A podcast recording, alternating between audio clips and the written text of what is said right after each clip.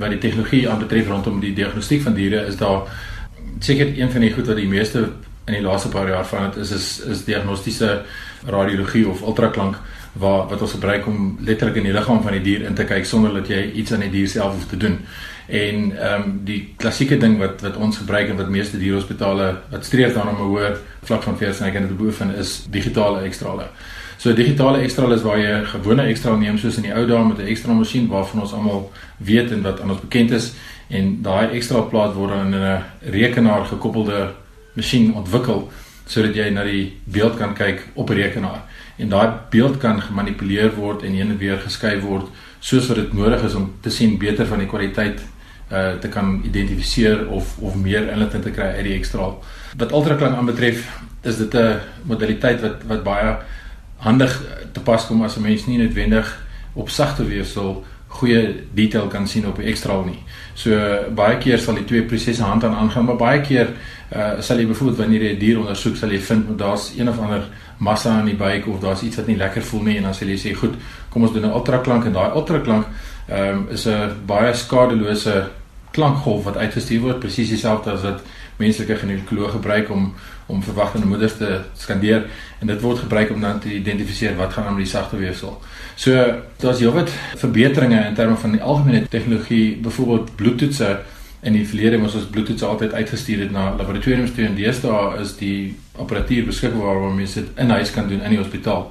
So jou wagtyd om 'n diagnostiese prentjie te kry van wat met die dier aangaan is baie minder as wat in die ou dae was. As jy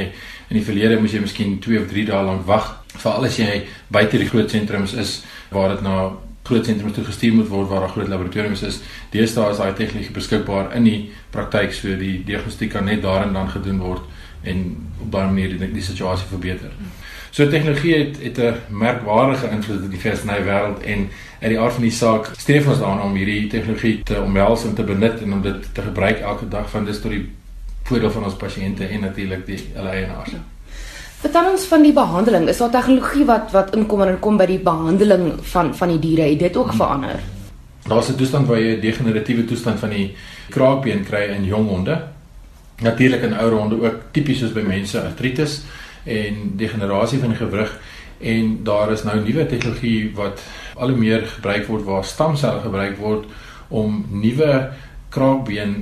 te skep en hierdie kraakbeenselle word dan ingespuit in die gewrig en, en regenereer letterlik daai area. So in die verlede moes jy letterlik reaktief gaan opereer op daai honde en die herstelproses was gewoonlik gebaseer daarop dat jy die kraakbeen verwyder en dan met die liggaam om 'n nuwe bindweefsel vervang.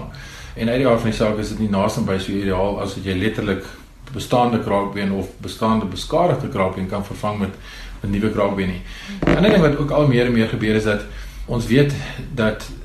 dieselfde as wat jy mense kry het dinge soos fisioterapie byvoorbeeld raak al meer van belang. So as jy 'n dier het wat ortopediese beskaring besering gehad het, uh jy sou tipies kyk na sien 'n hond wat raak gery is per ongeluk deur 'n kar of 'n hond wat sy knieliggamente geskeur het wat 'n algemene algemene besering is wat ons sien. Uh kan jy nadat die chirurgie gedoen is om daai uh besering te herstel, kan daai dier deur rehabilitasie gaan en 'n baie beter herstelproses op die einde van die dag hê met ander baie beter funksionaliteit hê van die ledemaat na die na die ongeluk of na die insident.